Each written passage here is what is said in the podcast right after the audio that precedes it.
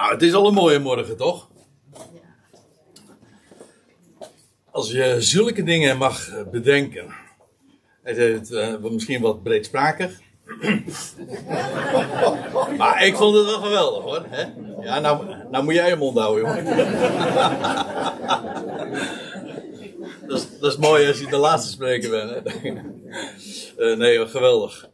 En uh, ja, over die grote God en zijn woord gaan wij natuurlijk nu uh, opnieuw spreken. Maar over een heel ander onderwerp, dat moet ik er ook bij zeggen. En u ziet het hier ook achter mij geprojecteerd, wat het onderwerp is. En als u hier vaker bent uh, geweest, en dat geldt voor de meesten wellicht, die, uh,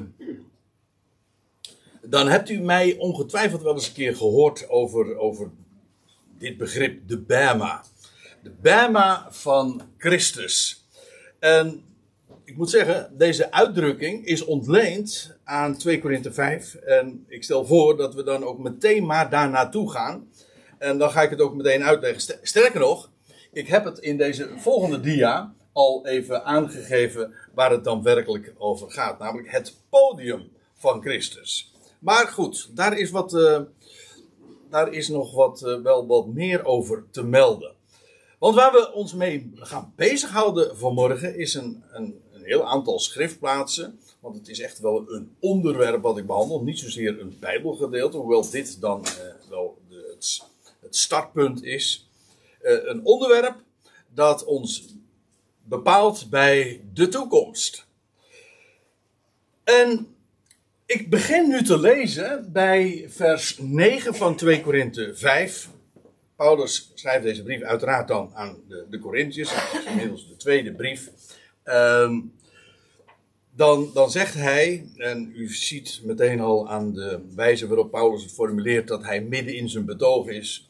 En dan zegt hij in vers 9: Daarom stellen wij er een eer in, het zij thuis, het zij in den vreemde, hem welgevallig te zijn.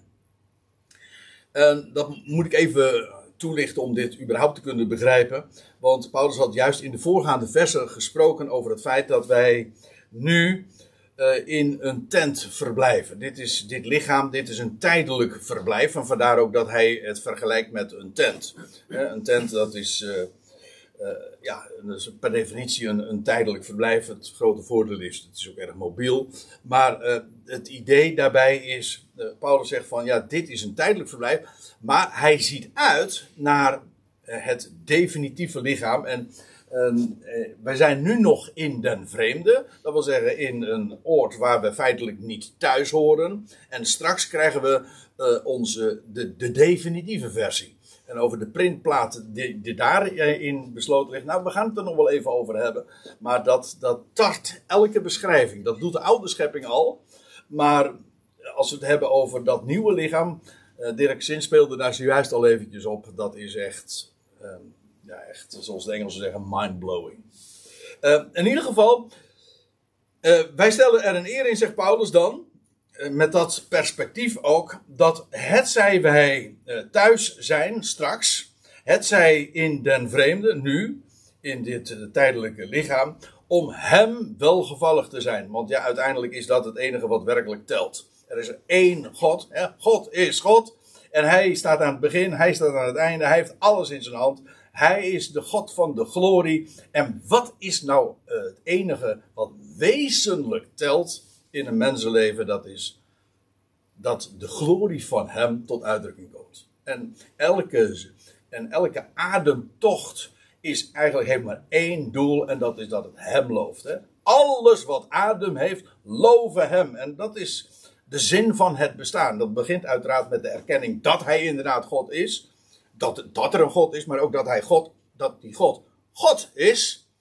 En, en hem welgevallig te zijn. Paulus uh, veronderstelt het hier ook als een afverzelfsprekendheid. Uiteraard, wie weet uh, wie hij is, ja, die stelt, die stelt er een eer in. Het is zo'n enorm voorrecht hem te kennen, maar ook voor hem te mogen leven. En dan zegt hij, want en ook komt het vers waar we eigenlijk meteen uh, maar eens eventjes wat dieper op in moeten gaan. Want, zegt Paulus, hij verklaart dus nader wat hij in het voorgaande vers gezegd heeft. Want hij begint met want, redengevend. Want wij moeten allen voor de rechterstoel van Christus openbaar worden. U ziet hier, uh, zoals ik dat de laatste tijd gebruikelijk ben te doen. Uh, ik ga uit van de NBG-tekst en daar waar nodig is, daar corrigeer het en dan geef ik dat aan met een, een uh, cursieve weergave. Maar in dit geval wil ik eventjes, heb ik even expres het woord zoals de NBG, trouwens de Statenvertaling ook, alle gangbare vertalingen. Ik zag, uh, ik heb juist gisteravond nog even gekeken, ook in de NBV-vertaling uh, geeft dat dan weer met de rechterstoel. Die weergave is het bekendst. Wij moeten alle voor de rechterstoel van Christus openbaar worden. En ik heb daar een kras uh, of een streep doorheen gezet om daarmee aan te geven ja, die, dat die weergave, hoe gangbaar ook, niet deugt. Uh, het, het, woord is, laat ik het eerst even, laat ik dat dan gewoon even toelichten, want als ik zeg zoiets beweer, dan moet je dat ook uh, de bonnetjes kunnen overleggen. Dat woordje bema, dat is afgeleid van een Grieks woord en dat betekent eigenlijk een stap, of in de zin van een opstap. Hè? Je stap, ja, niet dat je op stap bent, maar ja, oké. Uh, maar een, een opstap, ja. En vandaar ook een podium. Trouwens, ons uh, woord podium komt ook, van, ook weer van uh, voet. Hè? Een podoloog. Hè? Nou ja, in ieder geval een podium, dat is ook weer, heeft te maken met de voet. En waarbij je een, een stap kunt zetten. En vandaar ook, het is een verhoging en een platform. En kijk het maar eens een keertje na, hoe dat woord ook uh, buiten Bijbels ook gebezigd wordt. En dan is het inderdaad altijd een, ja, een platform, maar dan vooral ook een verhoging. Kortom, gewoon ons woord podium. Een opstap, maar zodanig een verhoging. En hoe komt men dan aan rechterstoel? Ja, nou ja, dat is een goeie strikt genomen. Nou, laat ik, laat ik eerst eventjes iets positiefs erover zeggen. Het kan ook inderdaad een plaats zijn, een podium, waar een rechter plaats opneemt. Dat kan heel goed. Maar ik zal u laten zien uh, dat er heel wat andere plekken ook zijn. Of uh, heel wat andere functies. Ja, een podium, dat kan allerlei redenen hebben waarom iemand op een podium neergezet wordt. In ieder geval om in beeld te komen. En dit Griekse woord komen we een heel aantal keren tegen in het Nieuwe Testament. Ja, ik, ik ga ze niet allemaal na. Maar in, in, in de Evangelie vind je het al een paar keer over Pilatus. Die zette zich, daar wordt er in Johannes 19 zelfs nog wat uitgebreider op ingegaan. Hij zette zich op het podium. Op de plaats genaamd en Litostrotos. Strotos, zo moet ik het zeggen. Eh, in het Hebreeuws heette dat dan Gabata. In ieder geval, het was een bekende plek. Het was een verhoging, een podium. Je zou kunnen verdedigen dat dit inderdaad ook de plaats was waar de rechtspraak plaatsvond. Hoewel dat uh, trouwens niet uh, exclusief het geval is. Het hele idee van dat het een juridische afhandelplaats is. Klinkt wat eigenaardig, maar daar waar een rechter op gezeten is. dat zit niet in het woord zelf. Dus het kan wel die functie hebben, maar dat, dat het een rechterstoel zou zijn. Um, een rechterstoel. Ja, oké. Okay. Um, je leest in Handelingen 12 uh, van Herodes. En op een bepaalde dag hield Herodes in een koninklijk kleed op het podium gezeten een reden. Haha, dit is trouwens hier in ieder geval niet een rechterstoel. Uh, althans, hier deed het in ieder geval niet die functie. Hij, waarom was, bevond Herodes zich op een podium? Wel om daar een reden te houden. Dat is een vrij gebruikelijk uh, motief. Hè? Waarom je op een podium staat. Om daar op te treden. Of om daar in dit geval ook een reden af te steken. Die reden trouwens die maar heel kort heeft geduurd. Kent u de geschiedenishandelingen 12? Moet u maar eens lezen. Dat was een heel kort verblijf daar. In ieder geval uh, ook een podium in Handelingen 8. In Handelingen vind je het heel vaak trouwens terug. Dan lees je in Handelingen 18. Toen Gallio landvoogd van Achaia was, brachten zij hem, Paulus, voor het podium. Dan is het inderdaad ook weer een plaats waar iets moet afgehandeld worden. Dus nogmaals, het hele idee dat daar een rechter ook plaats in neemt, dat is niet onjuist. Maar dat het woord zelf daarin, dat ligt er niet in besloten. In alle gevallen waar dit woord gebezigd wordt, in deze zin, is het gewoon een podium en kun je gewoon Bama weergeven met podium. Zoals dat in het buitenbijbels gebruik ook het geval is. En in de Bijbel zie je dat ook. En ja, ik kan nu voor, verder gaan. Ehm, ik geef de voorbeelden door gewoon eh, de bonnetjes. Trouwens, ik ben hier nog niet eens helemaal compleet, bijna wel. Maar je leest in Handelingen 25 dan ook dat Paulus ik sta voor het, ik, eh, voor het keizerlijke podium en daar moet ik dan ook terecht staan. In Handelingen 25 uh, eh, lees je dat ook weer. Uh, dat, je, dat Festus op het podium gezeten was. Dat was eigenlijk echt ook een, een, verhoging voor een plaats waar eer wordt toegekend. Trouwens, maar dat zullen we straks ook, ook nog zien. Het is ook een plaats waar, de, waar mensen opgeroepen worden die uh, een prijs hebben behaald. En nu komen we heel erg dicht bij de, de, de gedachte die echt wel als een rode draad door deze hele studie zal lopen. Namelijk het, de plek waar de prijzen worden uitgereikt.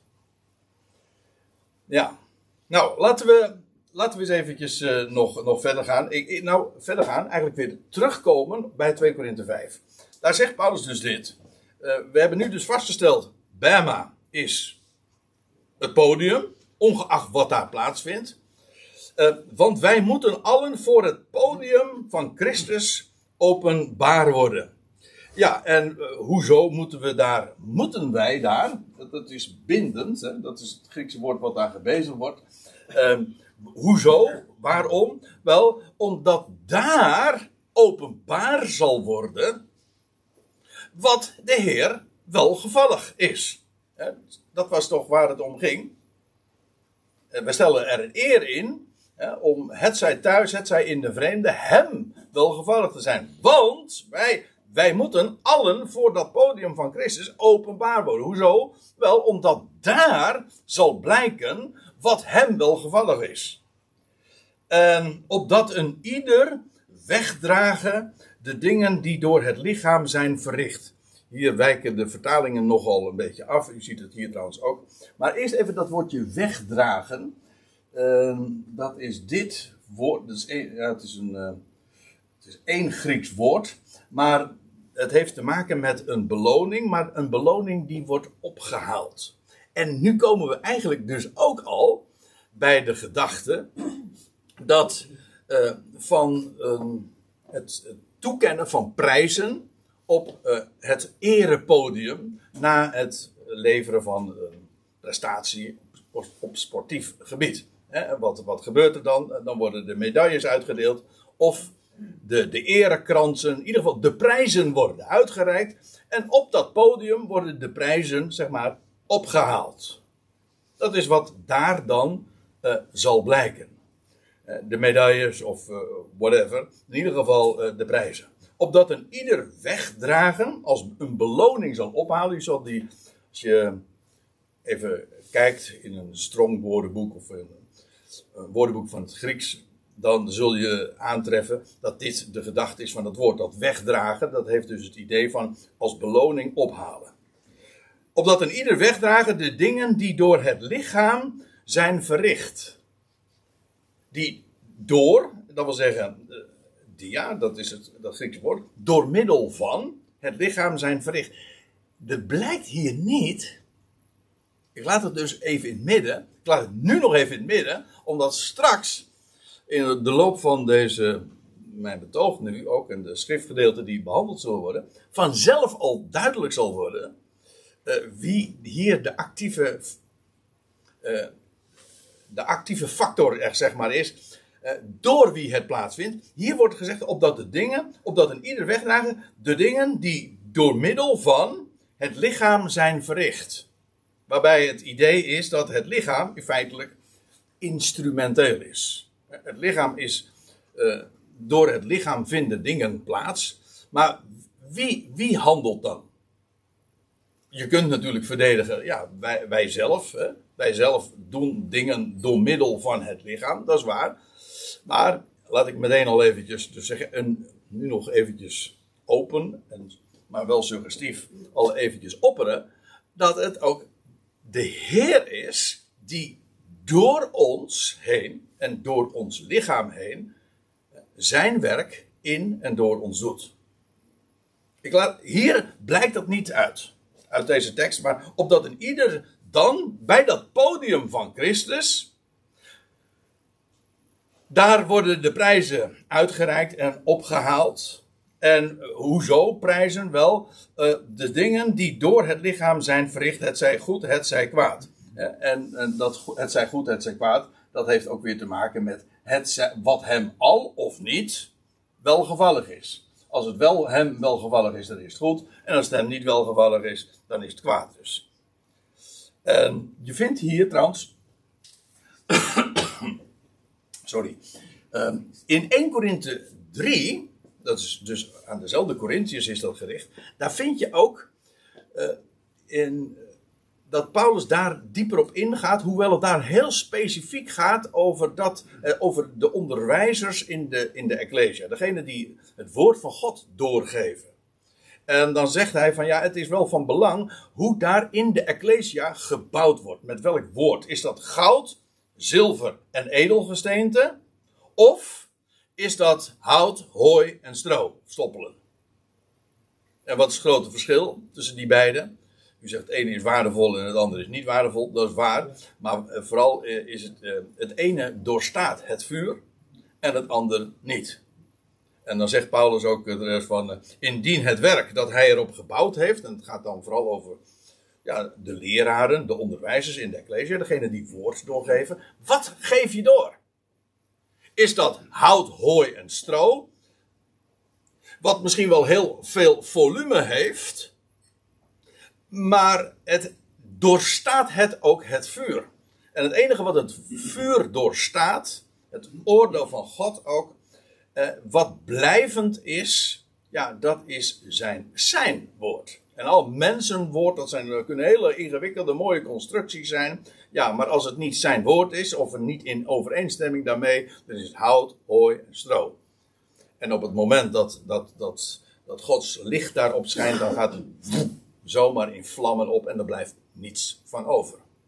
Het enige wat blijft, dat is ja, zijn heerlijkheid. Goud. Het is al jaren geleden, het is sterker nog, 16 jaar geleden, dat ik daar, uh, nou ja, in deze setting, dat was toen nog in To Be Home, en toen heb ik uh, eigenlijk over dat gedeelte ook gesproken, onder de titel uh, Gaan voor goud. En, maar goed, dat is al erg lang geleden natuurlijk. Maar toen kwam dit uh, ook ter sprake. Van, ja, dan, sta, dan, zegt, Paulus ook in, in 1 Korinthe 3 van... Indien het werk dat hij, dat hij erop gebouwd heeft stand houdt... Ja, dan zal hij loon ontvangen. Dat wil zeggen, dat, dat houdt zijn waarde. Wat gedaan wordt en werd. Niet zozeer uit liefde tot Jezus, maar uit de liefde van hem dat houdt zijn waarde en dat zal blijven bestaan. Ja. En dat zal allemaal bij dat podium blijken. Het hele idee is heel vaak geweest, en dat is een van de dingen, reden ook waarom ik dit nog eens naar voren breng, van dat er straks bij dat podium, uh, dat er een heel uh, langdurige sessie, zal plaatsvinden, waarbij ge, een hele retrospectie zeg maar, zal plaatsvinden op het verleden. En dan zal alles zichtbaar worden, goed en kwaad. Ik geloof, ik heb bij het podium van Christus zie ik dat helemaal niet. Het enige wat er gebeurt is, dan zal duidelijk worden wat de waarde is van het leven. En wat hij heeft kunnen doen in en door ons. En dat houdt zijn waarde.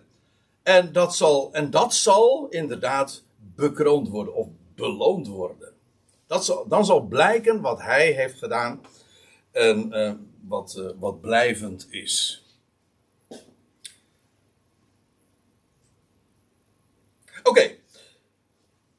Nou komen we op weer een passage uit de Korinthebrief. Uh, 1 Korinthe 9, waar Paulus, ja, ik, ook, ik licht er nu één vers uit. Dat is, ja, dat is dan noodzakelijk. Die hele eh, Paulus eh, laat dan ook zien waar het hem in het leven om gaat. En dan zegt hij, al wie, hij gebruikt dan ook het beeld van een wedstrijd, doet hij heel dikwijls. Dat zullen we nu ook nog vaker tegenkomen. En al wie aan een wedstrijd deelneemt, beheerst zich in alles. En Uh, hij gebruikt trouwens in het navolgende, of een van de navolgende versen, dan ook het beeld van. Uh, ja, dat. van die absolute focus. Ja, want dat is wat een sporter nodig heeft. Hè. Niet dat ik dat uit er, al te veel ervaring kan spreken. maar ja, iemand die, iemand die gaat voor een Olympische voor de, voor, de, voor de plak, voor de gouden plak, zeg maar. En, ja, dan is het inderdaad een kwestie van afzien. En afzien betekent eigenlijk dat je naar niks kijkt dan, dan alleen één ding. Dus absolute focus. En al het andere, ja, daar zie je van af. En dat afzien is niet alleen maar een kwestie van focus. Het heeft ook, dat heeft directe consequenties dat je dingen, bepaalde dingen ook niet doet. Maar al wie aan een wedstrijd deelneemt, die beheerst zich in alles. Tenminste, als je daadwerkelijk wil winnen. Als je gaat voor de winst, dan uh, is die focus absoluut noodzakelijk. En Paulus zegt dan van ja, zij, gewoon in het algemeen, voor degenen die uh, willen winnen en degenen die ingaan, die gaan voor de erekrans. Ja, zij om een vergankelijke erekrans te verkrijgen. Wij, zegt Paulus, niet alleen hij zelf, maar wij als gelovigen, wij om een onvergankelijke. Aha, er zijn dus twee soorten erekransen. Namelijk degene, de erekransen die we hier kennen. Trouwens, het is toch wel even goed om daar eventjes op in te gaan. Het Griekse woord daarvoor, kennen we eigenlijk wel, maar vooral als naam. Want er is iemand die zo heet, hè? Stefanus. En, maar Stefanus, uh, dat is eigenlijk, uh, dat is dit woord. Dat is afgeleid van dit woord en dat is een lauwerkrans. Dat is dit gemaakt. Uh, wij spreken ook nog over gelauwerd worden, maar dat heeft te maken met lau laurierbladeren, een speciaal soort blad. Maar in ieder geval, daar wordt een krans voor gemaakt, van gemaakt. En dit is een, een, bekend embleem en die krijg je dan. ik heb me niet al te zeer in verdiept, maar ik heb begrepen. Dan werd dat of als, als kroon op het hoofd geplaatst. Of uh, het werd als krans om je heen gehangen. En in feite hebben wij daar nog steeds allerlei andere gebruiken van. Een, een medaille hè, die om, uh, om je nek wordt gehangen. Maar dat is in feite dan ook, die vervult de functie van een krans. Je wordt bekroond. En hoe dat dan ook vormgegeven wordt. Maar dat is de lauwerkrans. En dat, uh, dat werd dan ook, uh, had vaak dan ook nog weer te maken met goud, want je kunt het gewoon uh, fysiek, fysiek in, biologisch zeg maar, een lauwe krans, maar je kunt het ook vergulden. Hoe zeg je dat? Goed? Ja, vergulden of. Nou, in ieder geval, dan geef je het. die vorm. Maar hoe, welke vorm eh, en in welke manier daar ook expressie aan gegeven wordt, het is vergankelijk. En ja, en daar is men in de wereld, uh, ja, in, ik bedoel dat niet zo verachtelijk wordt, maar Paulus uh, maakt gewoon het contrast duidelijk. Hij zegt, ja, in de wereld dan is ongeveer het hoogste wat je kan bereiken als je echt een prestatie geleverd hebt van formaat. En dan kom je, nou ja, dan heb je allerlei kampioenschappen op een steeds hoger niveau. En als je het aller, aller, allerhoogste niveau hebt bereikt, eh, bijvoorbeeld met de Olympische Spelen, dat was trouwens een Grieks gebruik natuurlijk, in, ook al in Paulus' dagen. Paulus refereert diverse keren in zijn brieven aan de Olympische Spelen. Maar het hoogste wat je daarin kan bereiken, en dat je afziet van alles en dat je dan uiteindelijk dan een die vergankelijke erekrans hebt verkregen. Ja, dat is eer, dat, is een, dat je dat dan hebt bereikt. Maar Paulus zegt, ja, maar wij, hij zegt, uh, wij, uh, of wij, ikzelf, en wij in het algemeen als geloven, wij, wij gaan voor die, hij, hij veronderstelt het al als logisch, om de onvergankelijke erekrans. Die onvergankelijke um, ja, erekrans. Oh, die, ja, die, die moet ik er ook nog even bij zeggen. Uh, want wij hebben daar, dat is trouwens ook in het uh, kerkelijk spraakgebruik een, een, ding geworden. Namelijk uh, spreken we dan van een aureool. Maar een aureool is ook niks anders dan een, een, maar dan een lichtkrans. Of een nimbus een halo, maar dat is geloof ik weer een, meer een natuurkundig fenomeen. Maar eh, er zijn, er allerlei emblemen van. Hè? je, je hebt zelfs emoticons van, van op WhatsApp, hè, dat je zo'n krans hebt op je hoofd. Meestal heeft dat iets te maken met schijnheiligheid, maar. Nou ja, eigenlijk. Ik ga nu even u introduceren tot de positieve variant daarvan. Dat is de, de, de, de schijn, de straal, de krans, het licht dat heiligen geven. Dat is, is ja, dat is, uh, dan gaan de heiligen shinen, hè, schijnen. Ja. Ik aarzel een beetje om dit te zeggen, want nou, word ik, nou ga ik ineens schijnheilig een positieve betekenis geven. Maar goed, voor wat het waard is. Een aureool, je ziet het ook in allerlei oude afbeeldingen nog. Bijvoorbeeld, dit is dan een afbeelding. Moet zeggen, ik word er nooit zo goed van, maar dat is mijn, uh, daar heb ik zo mijn redenen voor. In dit geval, uh, iedereen zegt, weet, weet dat dit de Heer Jezus is. En dan vraag ik u, hoe weet u dat? Altijd met lang haar afgebeeld, wat heel onwaarschijnlijk is. Maar goed, uh, uh, laten we het daar niet over hebben. Het, het, gaat er even, het gaat mij eigenlijk om dat aureool eromheen. En hoe je dat dan ook vormgeeft, of dat nou een kring eromheen is of hier, of, of dat hij helemaal zeg maar schijnt. Maar in ieder geval, het, is, het heeft te maken met lichtglans. Een krans van licht. En ja, dat kun je, dat kun je natuurlijk figuurlijk nemen gek genoeg, van origine heeft men dit juist wel letterlijk opgevat. En ik, ik, wil straks ook uh, een, een, daarvoor, een, een krans daarvoor breken.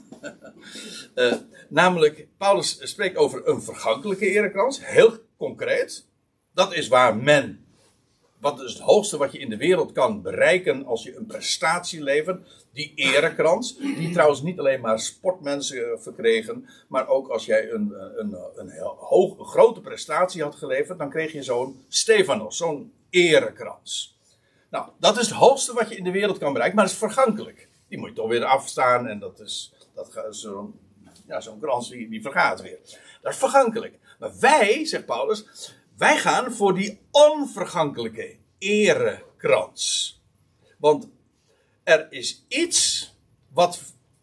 Want daar gaat het over. Het gaat om dat wat blijvend is in ons leven. Een heleboel dingen waarvan we denken dat het heel waardevol is. Waar we misschien heel erg in de weer eh, zijn. Maar het zal, om even in het beeld te blijven, het is hout, hooi en stro. Het, het is gewoon hoe veel waarde we er ook aan toekennen, het, het vergaat weer. Maar er is één ding wat nooit vergaat, vergis u niet. Er is één ding dat nooit vergaat, en dat is zijn woord en de heerlijkheid daarvan. Dat vergaat nooit. En daarom het meest waardevolle wat, wat, wat, wat, wat, wat je in je leven kan, uh, kunt uh, beleven, dat is de rijkdom van zijn woord. En wat hij bij macht is te doen in je bestaan. En want dat blijft, want dat zal straks ook blijken. En straks gaan we die erekrans waar Paulus het hier over heeft, die onvergankelijk is, dat zal een lichtkrans een glans ook zijn. Ik zal straks ook, ook inderdaad laten zien. En ik, uh, ik neem dat eigenlijk ook heel letterlijk. Maar ik, uh, ik bewaar hem nog even. Ik ga eerst nog eventjes over die trofee nog wat verder uh, uh, wat, wat, spreken. Want in Filippenzen 3. Ik beperk me trouwens vanmorgen nog even tot de brieven van de apostel Paulus. Uh, ik had ook Jacobus en Petrus er nog bij kunnen betrekken. Maar omdat mijn mandje al helemaal vol zit, hou ik het hier even bij. Trouwens, Paulus is per slotverrekening toch de apostel waar we in de eerste plaats ook mee van doen hebben. Dus uh, Filippenzen 3. Uh, dan zegt Paulus dit. Hij zegt: één ding doe ik. Kijk, hier zijn we weer bij uh, die totale focus. Hè? Het afzien van alles, maar op één ding gericht. Je vindt dat wel vaker in het Nieuwe Testament. Van Maria lees je ook. hoe was het ook alweer? Maria, nee, Martha, haar zus, die was bezig met vele dingen. Ook waardevol overigens. Ja, maar zegt de heer Jezus, één ding, Maria, is slechts nodig. En Maria had het goede deel gekozen. En dat was Niet, zij was heel erg in de weer, ik bedoel Martha. Maar Maria die zat aan de voeten van de Heer en die luisterde naar wat de Heer te zeggen had. En dat is wat blijft. Eén ding. Uh, hier zegt Paul, uh, er zijn, je vindt die uitdrukking trouwens wel vaker, maar goed, dat is, de, dat is een ander onderwerp. Eén ding doe ik. En Paulus zegt dan, eh, vergetende hetgeen achter mij ligt en mij uitstrekkend naar hetgeen voor mij ligt. En als hij het heeft over het vergeten, van alles wat achter hem ligt, moet je, moet eens even kijken in die hele context waar hij dit optekent. Hij schrijft dit aan de Filippiërs. En, en dan zegt, eh, waarin nogal wat mensen, act, eh, leraren, Paulus maakt zich grote zorgen over, over de, de kapers op de kust. Mensen die uh, weer allerlei, ja, die de, de gelovigen wilden verjoodsen, wilden judaïseren. En Paulus zegt van, houd toch op zeg. Hij zegt, als er een, hij zegt, al die lui die bij jullie over de vloer komen. Ik zeg het nu eventjes, gewoon wat kort door de bocht. Die hebben, die hebben uh, Paulus is daarin nogal zelfverzekerd. Hij zegt, ze hebben geen idee waar ze het over hebben. Hij zegt, als er één is die weet wat judaïsme is, dan ben ik het zelf. En ik ben besneden op de achtste dag. Hij zegt, ik ben, ik ben uit de stam van Benjamin. Ik was een fariseer van geboorte. Hij zegt, naar de ijver der gerechtigheid was ik onberispelijk. En, en naar, eh, wat mijn ijver betreft, ik was zelfs een, de, de grootste vervolger van de Ecclesia. Met andere woorden, hij zegt, ik heb zoveel religieus op mijn uh, cv staan. Hij zegt, mijn eigen gerechtigheid. Daarover heeft hij het. Hij zegt, en alles waar ik ooit trots op was. Hij zegt, alles wat mijn winst was. Hij zegt, dat echt, acht ik nu schade en drek. Het is niet alleen maar waardeloos, het is erger dan waardeloos. Hij zegt, het is alleen maar belastend. Hij zegt, en ik ga voor één ding. Hij zegt, dat is het hem, hem te kennen. En wat hij doet. En wat hij bij machten is te doen in ons leven. Want wij denken maar dat we, en wij denken ook dat dat uh, wat uh, de Heer ga, gaat honoreren. Uh, dat we dat, dat vliegen en dat jakkeren voor Hem. Maar dat is niet wat telt. Het enige wat telt is. Steunt op wat Hij belooft. Wat Hij doet. En dat is de rechtvaardigheid waarvan Paulus dan zegt van. Ja, dat is de. Hoe noemt hij dat? Nou, laat ik het laat ik het maar voorlezen. Hij, zegt, ik, hij zegt, vergeet dat wat achter mij ligt. Mijn hele cv waar ik zo trots op was. Hij zegt, allemaal aan de kant. Hij zegt, ik strek me uit naar hetgeen voor mij ligt. En ik jaag naar het doelwit. Hier is een sporter aan dit, is, dit is, laat ik het anders zeggen. Hier is een sporter aan het woord. Dat wil zeggen, hij gebruikt hier sportieve metaforen. Beelden, hè, wat een sporter doet. Namelijk afzien één ding voor ogen hebben. Hij en jagen naar de prijs. Hij zegt, jaag naar het doelwit om de prijs van de roeping Gods. Dit, dit woord gebruikt hij ook in, in 1 Korinthe, 1 Korinthe 9, waar ik het zojuist over had. En de prijs, of andere vertalingen zeggen, de trofee. Dat is het. En, ja, en waar wordt die in ontvangst genomen? Nou, en dan zijn we toch weer, hoewel het woord hier niet gebezigd wordt, maar we zijn weer exact op hetzelfde terrein, namelijk het podium van Christus. En waar het om gaat is dat Paulus zegt, wat straks zal blijken, is niet dat wat de mens gepresteerd heeft, maar de heerlijkheid en de kennis van hem. Hoe groot hij is. Precies wat mijn broer Dirk ook al zegt. Wij denken maar dat we zo belangrijk zijn. En we zo... Nee, waar het om gaat is dat wij steeds kleiner worden. Dat is, dat is geestelijke groei. Hè? Leuk hè? Geestelijke groei is dat je steeds kleiner wordt. Wij denken dat we zo interessant zijn. En je, eh, vanmorgen had ik met, met Peter nog een eh, heel gesprek daarover. Ik zal de aanleiding maar niet vertellen over. Maar over dat, dat, het waren gesprekken in ieder geval. Dat ging over in de religieuze wereld. Hoe graag men over zichzelf spreekt. Men vindt zichzelf zo interessant. En wat men gedaan heeft. En wat men allemaal doet. En, en Paulus zegt dat ook hè, van zijn eigen volksgenoot. Hij zegt, hij ik getuig van hen dat ze ijver hebben. Maar zonder verstand. Ze denken dat ze daarmee zoveel in, in, het, eh, in de waagschaal, of hoe zeggen dat, gewicht in de schaal leggen. Hij zegt, het is waardeloos. Het enige wat telt is niet wat een mens doet, maar wat hij doet in jouw leven. En wat de waarde is, niet van, van, onze, uh, ja, van onze activiteiten, onze prestaties, maar wat hij belooft. En dus als hij het belooft, dan doet hij het ook. Ja, ga laten. Dus er ligt hier een, een boek, dat heet ook zo, hè? Ga laten. Ja, oh, daar, gaat, daar gaat de hele brief over. Hij zegt, ik jaag naar het doelwit om de prijs van de roeping gods die van boven is. In Christus Jezus. dat is... Uh, uh, dat zal blijken. Wat hij voor jou betekent.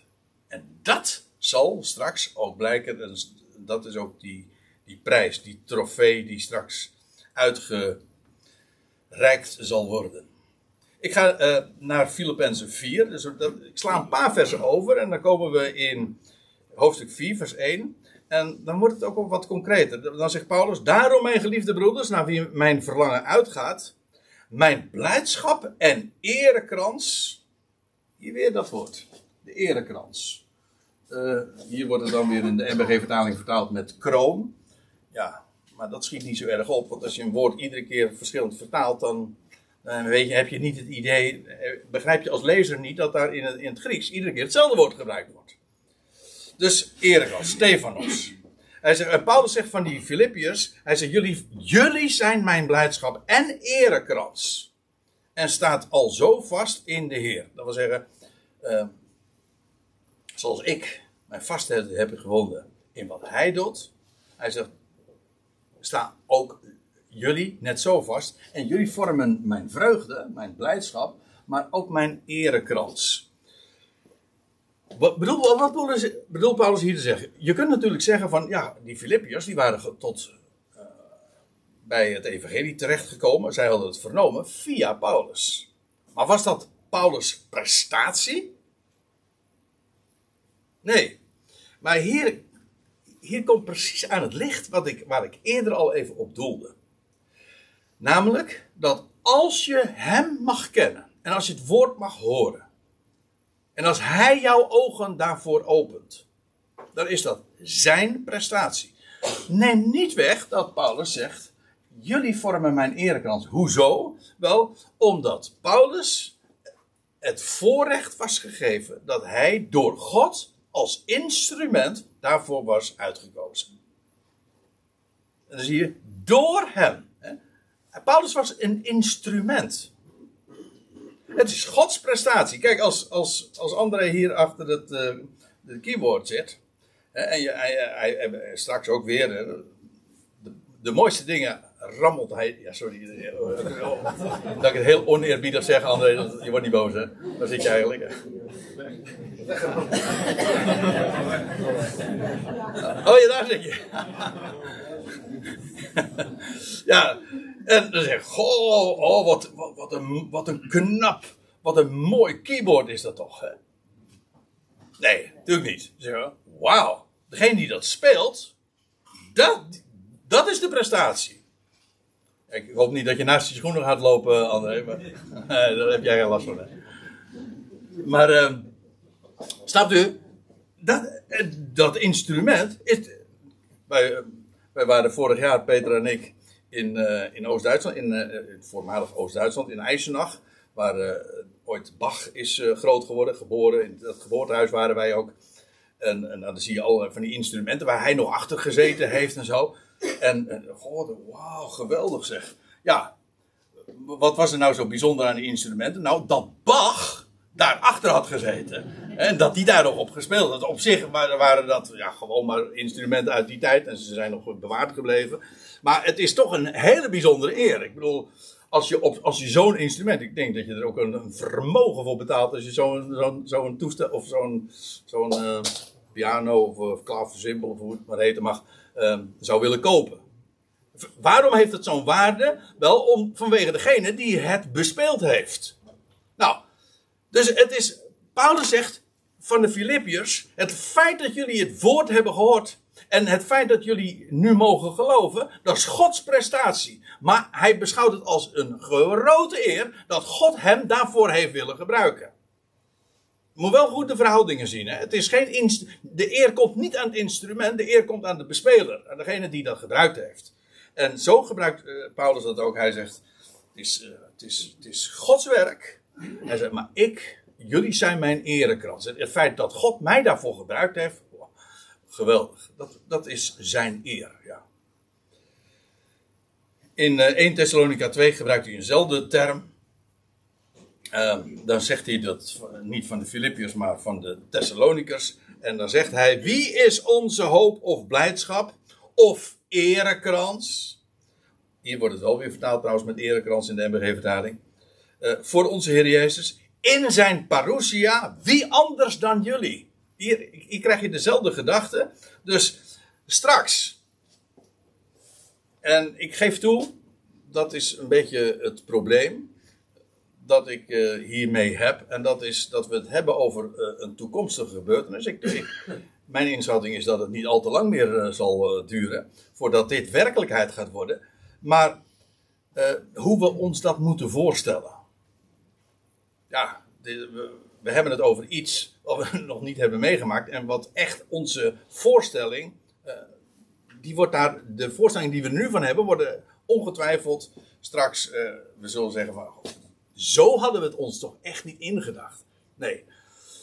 Maar goed, we, we hebben. Waar we het mee moeten doen, is gewoon. Is dat wat de schrift erover zegt. En Paulus zegt. Uh, jullie Thessalonikers, net als de Filippiërs. Jullie Thessalonikers. Hij zegt: Jullie zijn mijn. Ho uh, uh, jullie vormen mijn, mijn blijdschap.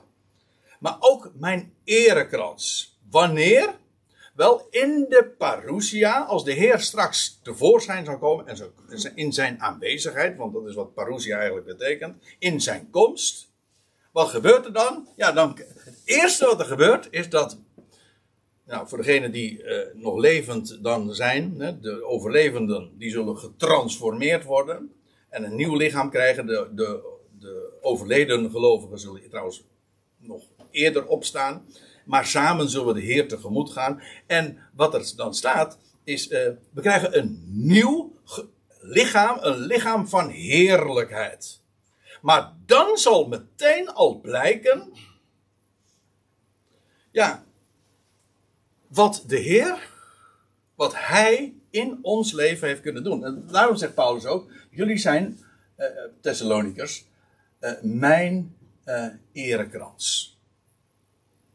Straks zal, ja, ik zeg dan maar, some way, somehow, ik weet niet hoe. Ik heb wel een, vermoeden, ik denk heel letterlijk, een erekrans. Straks zal meteen in de opstanding, als we een nieuw lichaam blijken, zal blijken wat hij in ons bestaan heeft kunnen doen. En dat zijn de eer. En, want uh, zo zegt de, zou Paulus zeggen, uh, wie is onze blijdschap of erekrans voor onze Heer Jezus Christus in zijn parousia. Hij zegt, wie anders dan jullie? Dus de Thessalonikers zullen straks in de parousia Paulus erekrans of aureool blijken. Ik, ik, moet voorzichtig zijn, ik wil niet meer zeggen dan wat de schrift zegt, maar in deze richting worden we uh, gedrongen. Hè? Hier worden onze gedachten gevormd. Paulus zegt hier heel duidelijk, uh, er is een erekrans. En die wordt straks uitgedeeld. En dat heeft alles te maken met wat hij in, door het lichaam heeft kunnen doen. En dat zal straks blijken. En Paulus kijkt daar al naar uit. Hij zegt, en straks ga ik, uh, wordt die erekrans uh, wordt toegekend. En straks zal blijken wat hij heeft gedaan via mij. En hoe hij ook jullie heeft bereikt. Ik ga nog naar een andere schriftplaats, de derde, waar de erekrans vermeld wordt. Dan zegt Paulus aan het einde van zijn leven. Hij zegt: Ik heb de goede strijd gestreden. Weer trouwens de termen van. Hij spreekt hier ook weer in die termen van een sport. Van een atleet die uh, een prestatie levert. Hij, en nou inmiddels heeft, heeft geleverd. Want Paulus' executie stond voor de deur. En dan zegt hij: Ik heb de goede strijd gestreden. Ik heb nu mijn loop, mijn wedloop ten einde gebracht. Dus ik heb het geloof bewaard. Daar ging het allemaal om. is een strijd. Want uh, bij het geloof blijven, daarmee bedoelt Paulus ook, dat is niet vermengd met eigen werken. Ik heb het, het vertrouwen op Hem. Hij zegt, dat heb ik mogen bewaren. Het gaat alleen maar om Hem en Zijn woord en de vervulling van Zijn belofte. Hij zegt, dat heb ik bewaard. Hij zegt, en voorts ligt voor mij gereed de erekrans van de rechtvaardigheid. Welke te dien dagen de Heere, de rechtvaardige rechter, mij zal geven. Hey, nou hebben we toch weer de rechter. Maar let op, het is hier niet de rechter. Met, het, uh, met, uh, met die, uh, nou ja, zoals wij die kennen in de rechtszaal in, in een juridische setting. Maar de rechter is hier de scheidsrechter. Die de prijzen uitreikt. En Paulus zegt hier ook van, hij zegt, voort ligt mij, voor mij gereed de erekrans van de rechtvaardigheid. Wat dan zal blijken, namelijk, wat hij heeft kunnen doen hoe hij zijn woord heeft kunnen werken in mijn leven. Hij zegt, en dat zal straks dan blijken. En de, te dien dagen zal de Heer, de rechtvaardige rechter, die zal mij dan uh, geven. Hè? Zoals de scheidsrechter na de wedloop op het podium de erekrans uitreikt. En ik denk daarbij, ik, gaf zojuist al even een hint in de richting. Eigenlijk dacht ik altijd over bij het podium van de Christus, de Bema, altijd aan een, langdurige sessie, waarin straks, uh, waarin echt zeg maar uh, teruggeblikt zal worden op het leven. En nu denk ik, nee, het is niet een langdurige sessie.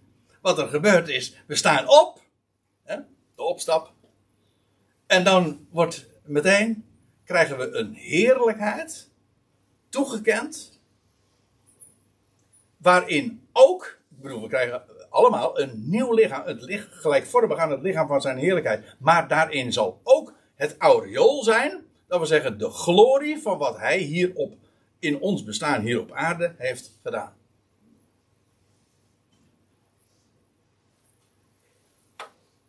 En dat was voor mij een heel, uh, een heel, een heel uh, nieuw uh, zicht daarop. Want ik dacht van ja, hoe, hoe ja, natuurlijk kun je altijd daarover uh, speculeren. Zeg van ja, hoe zal dat gaan? Bij welke gelegenheid vindt dat, uh, zal, zal, zullen wij op dat podium dan komen?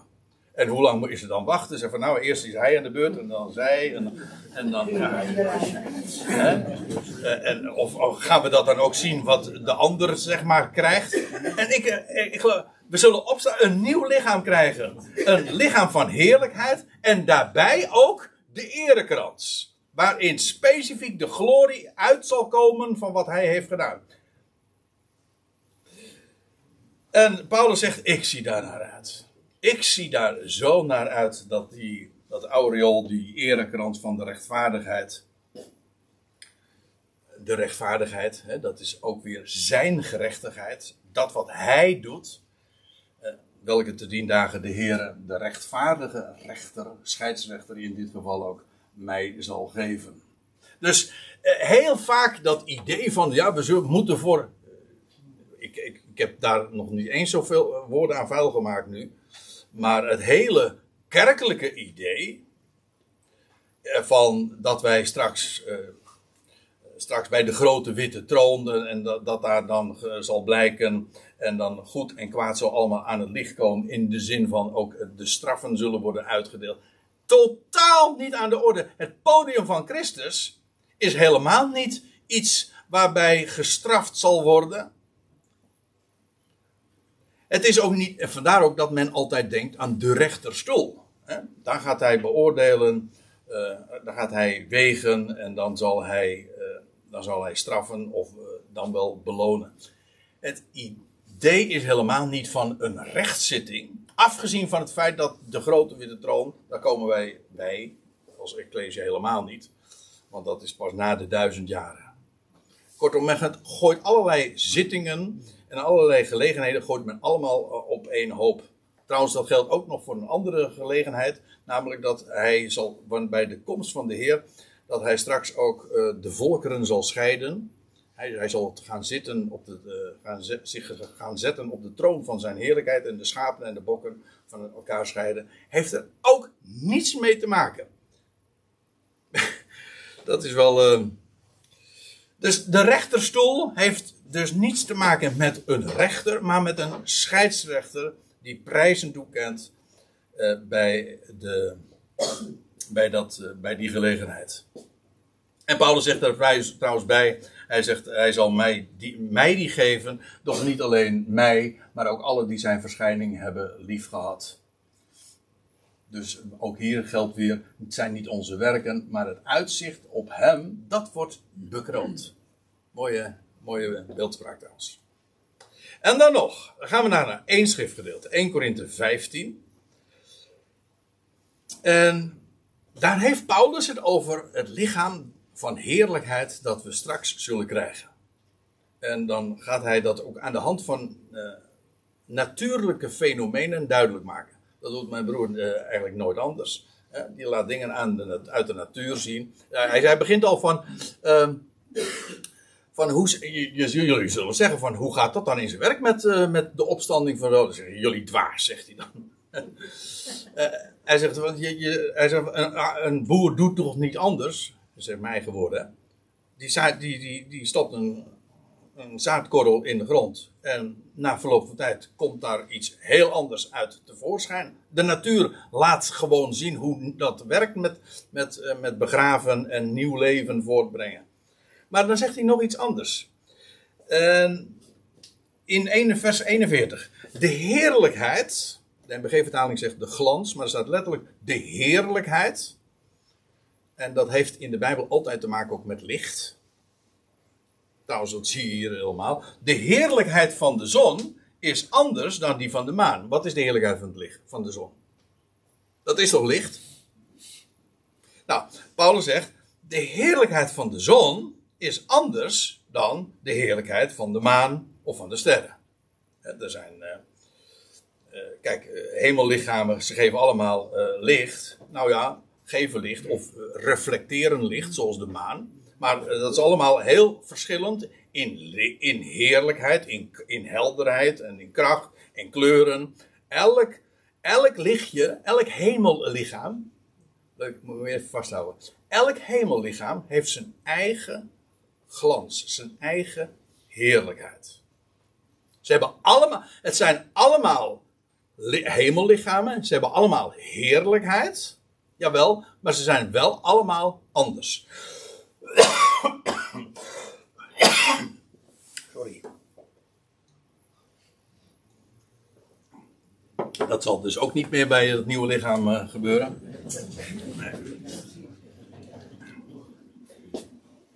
Uh, want de ene ster, zegt Paulus, want de ene ster verschilt van de ander in, uh, in heerlijkheid. Ja, dat is, uh, dat is heel evident. Uh, Venus en, en, Jupiter, die zie je heel duidelijk. Maar uh, er zijn ook sterretjes die je nauwelijks met blote ogen ziet. Maar kijk het maar eens een keertje met een telescoop. Dan zie je ook nog dat ze allemaal verschillende kleuren hebben. Allemaal zijn ze verschillend. Nou. En zegt Paul, waarom zegt hij dat nou? Wat is de, zijn, het punt dat hij hier maakt? Nou, het punt is dat hij maakt is die hemellichamen, die hebben allemaal een, ze hebben allemaal heerlijkheid, maar ze verschillen in glorie, in heerlijkheid. En dan zegt hij, vers 42, zo is het ook met de opstanding van de doden. Dus in de opstanding ontvangen we allemaal een hemels lichaam. Dus, of zo u wilt, dan zijn we ook een hemels lichaam. Maar en we gaan allemaal stralen. Allemaal glorie. Paulus zegt ook dat, wij, dat ons lichaam verheerlijkt zal worden. Naar, in overeenstemming met het lichaam van zijn heerlijkheid. En niettemin, er is verschil. Er zijn individuele verschillen. En dat heeft alles eh, te maken met de wijze waarop hij ons gecreëerd heeft. Ieder mens, nou, dat is dan weer de overlap met wat Dirk vertelde. We zijn allemaal uniek. En dat geldt in de nieuwe schepping ook. Zo is het ook met de opstanding de doden. Dus bij de opstanding in de parousia krijgt ieder per direct een verheerlijk lichaam, maar daar zijn gradaties in. Verschillen in. De erekrans of dat aureool. Dus ja, ik, ik geloof ook inderdaad dat ons lichaam straks licht zal geven. En als je dat niet geloven wilt, dan moet je dat maar eens aan Paulus vragen. Want die kwam in aanraking ooit op de weg naar Damascus. Dat kan gedimd worden hoor, want op de aarde was, uh, verscheen de Heer aan de Emmersgangers en die hadden niks in de gaten. Maar neem niet weg, als dat voluit schijnt, dan is dat oogverblindend.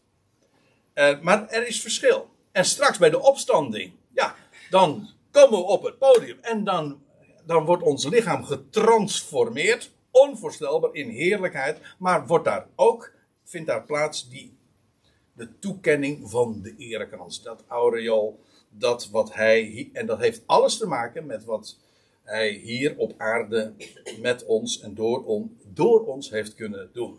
En dan heb ik nog het laatste schriftgedeelte, of het laatste vers, ja, 1 Korinthe 15 nog steeds. Ik zei, ik heb nog één Bijbelhoofdstuk. En dit is ook 1 Korinthe 15. En dat is het laatste vers. Uh, ook uh, wat ik nu vanmorgen wil laten zien. Dan zegt Paulus dit. Daarom, mijn geliefde broeders, word standvastig, onwankelbaar. Ze waren het niet, ze stonden wel. Paulus zegt, uh, jullie staan wel in die boodschap. Maar ze, ze werden erg gemakkelijk weer daarvan afgedreven. Hij zegt, daarom word standvastig, onwankelbaar. Of de, de interlineair zegt onverzettelijk. Blijf daarin. En weet u wat het geweldige is? Paulus had gewoon over het evangelie. Hè? Ja, gewoon.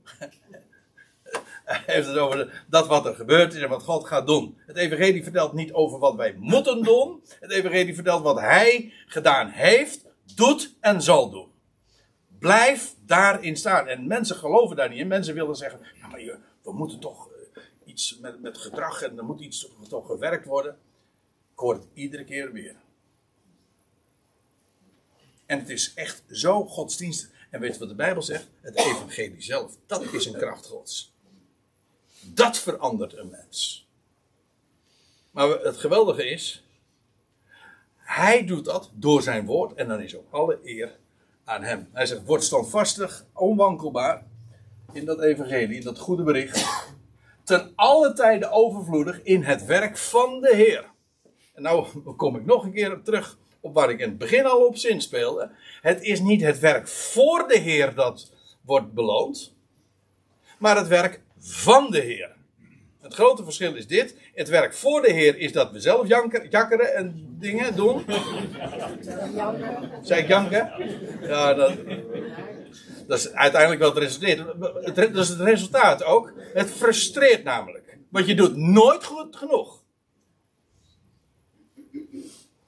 Dat is, dat is de ellende van als je bezig bent uh, met, ja, we, moeten iets doen. Maar dan, als je dan weer terugblikt, zeg je, ja, ik had, ik had eigenlijk nog meer moeten doen. Je bent nooit tevreden, het is nooit genoeg. en dat is het grote verschil met wat hij doet, dat is altijd goed. En dus dan, dank je, dan leef je uit genade. Wat hij beloont, dat is wat hij doet. Eh, alle tijden overvloedig in het werk van de Heer. Dan, want als wij staan in dat wat hij geeft en gezegd heeft en gesproken heeft, dan gaat hij overvloedig zijn werk in en door ons doen. En uh, Paulus zegt ook in, uh, even eerder in, in ditzelfde hoofdstuk nog, hij zegt, hij zegt, door de genade van God ben ik wat ik ben. Hij zegt, en zijn genade aan mij is niet te vergeefs geweest. Hij zegt, ik heb meer gearbeid dan zij allen. Maar weet u wat hij er achteraan zegt? Hij heeft het over zijn collega-apostelen. Hij zegt, maar niet ik. Maar de genade Gods die met me is. Ik kon niet eens anders. Dat is niet zijn prestatie. De Heer heeft hem gewoon daarvoor gebruikt en ingezet. Zo werkt dat. Ja, zo werkt hij. In het werk van de Heer, wetende dat uw arbeid niet vergeefs is in de Heer.